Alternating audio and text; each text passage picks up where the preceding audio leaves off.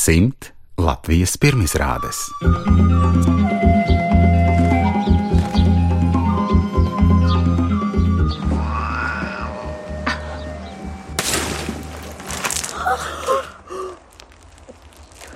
Ārprāt!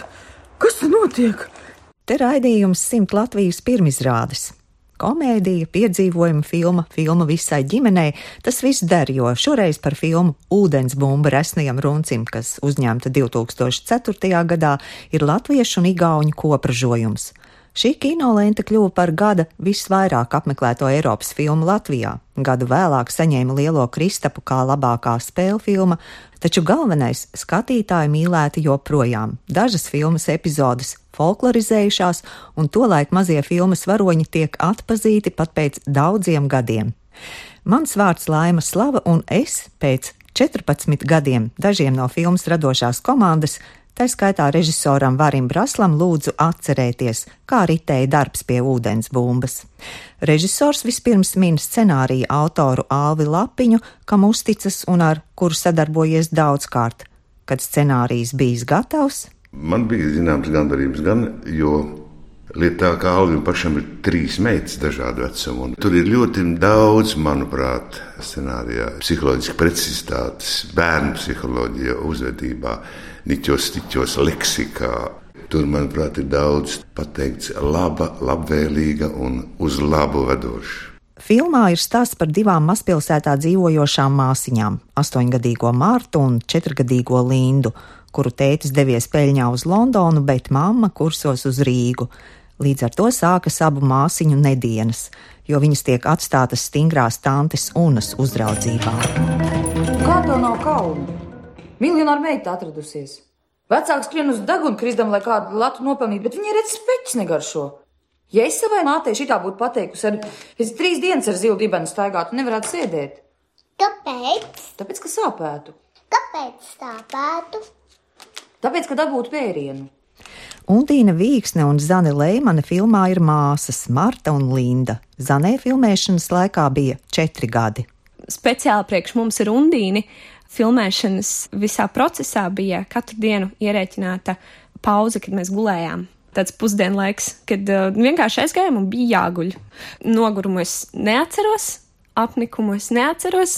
Tikai vienu reizi, kad es biju pamatīgi saslimusi pa to laiku.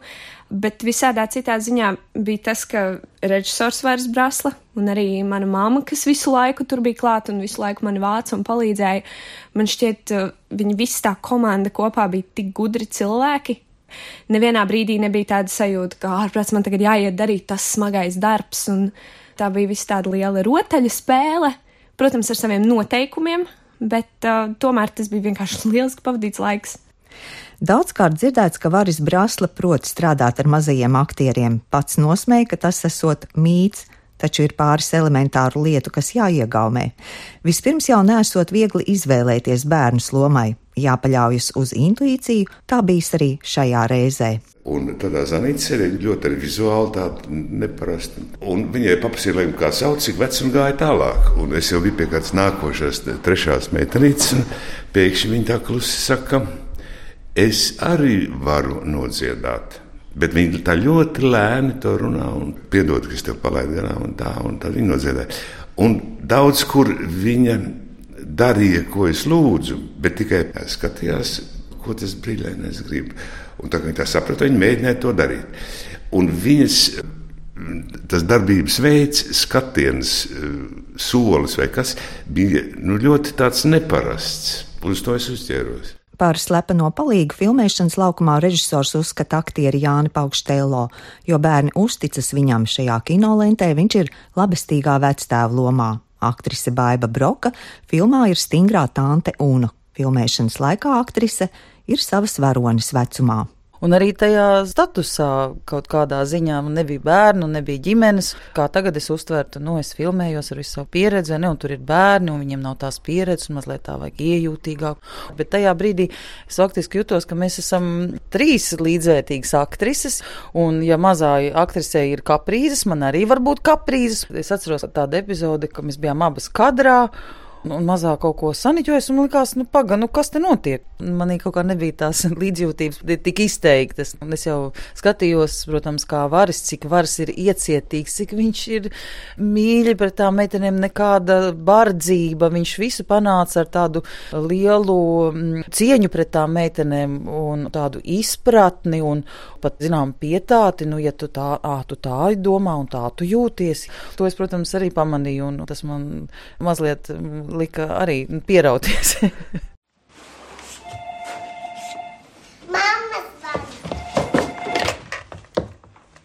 Mamma, Martai līka mugura. halo, ar ko es runāju? Tēti, Martai līka mugura.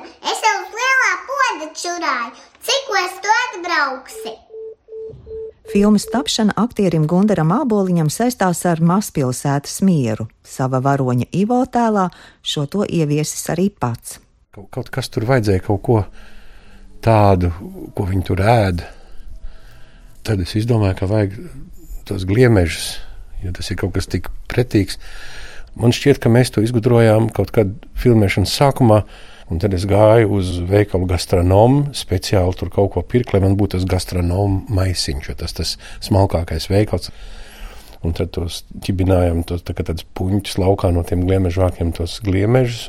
Nu, viņam kaut kā vajadzēja tās nāmas priekšā izrādīties. Ka viņš ir ne tikai smalks juvelieris, bet arī smalks virtuves pazinējs. Filmas mūzikas autors ir Imants Kalniņš, tomēr filmā ir kāda dziesmiņa, kuras autors nav komponists. Gliemezīti, gliemezīti, gribam tevi apskatīt, rādziņus norādīt sāc, un no mājas laukā nāc. Nu, sakomponēt, tas ir tā skaļi teikts, vai ne? Bet, nu, kāds, kas bija redzējis, nu, dzied to dziesmu, tad es saprotu, ka atmiņā paliekoši. Vēl pavisam nesen uh, bija tā, ka es uh, iegāju jaunā kompānijā. Tā bija viena folkloras nometne, un uh, mēs ar jauniešiem kaut ko darījām kopā pa dienu, un pēkšņi viens puisis tā klusiņām. Kliemēsīti, kliemēsīti, un nodzied to dziesmiņu, un tad visiem bija skaidrs, jā, tā ir tā meitene no tās filmas. Tā dziesmiņa ir neaizmirstama. Nu, un to pa divu latverē būtu saldāks, tas jau arī ir folklorizējies teiciens jau ir. Bet tas jau bija Alvi Lapiņa scenārijā ierakstīts teksts.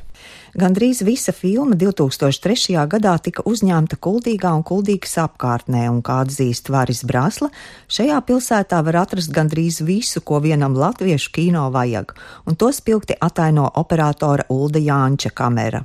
Kā tāda augstākās grūtības pakāpe, filmā bijuši daudzie dzīvnieki. Krokodils čabulītis, kaza bice, gailis māris, taču pirmkārt jau runcis. Es neesmu tīriem strādājis, bet, bet ar kaķiem iznācis strādāt. Tas ir visgrūtāk pakļaujamais. Šis kaķis ir iepazakurāteris kaķis.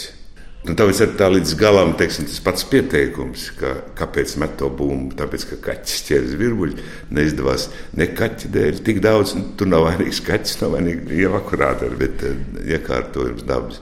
Un tā tiem zirbuļiem tā liekas, ja, ka nu, zirbuļi taču ir uz katra ielas stūra un, un tonām. Un tā kā viņas vajag, viņi nav. Nu, jā, tad, kad es lasīju to scenāriju, tad vēl bērni kaķis un vispār jau uzskaitītie, ja, tad es pēc tam teicu, Alvim, es teicu, nu, liels paldies!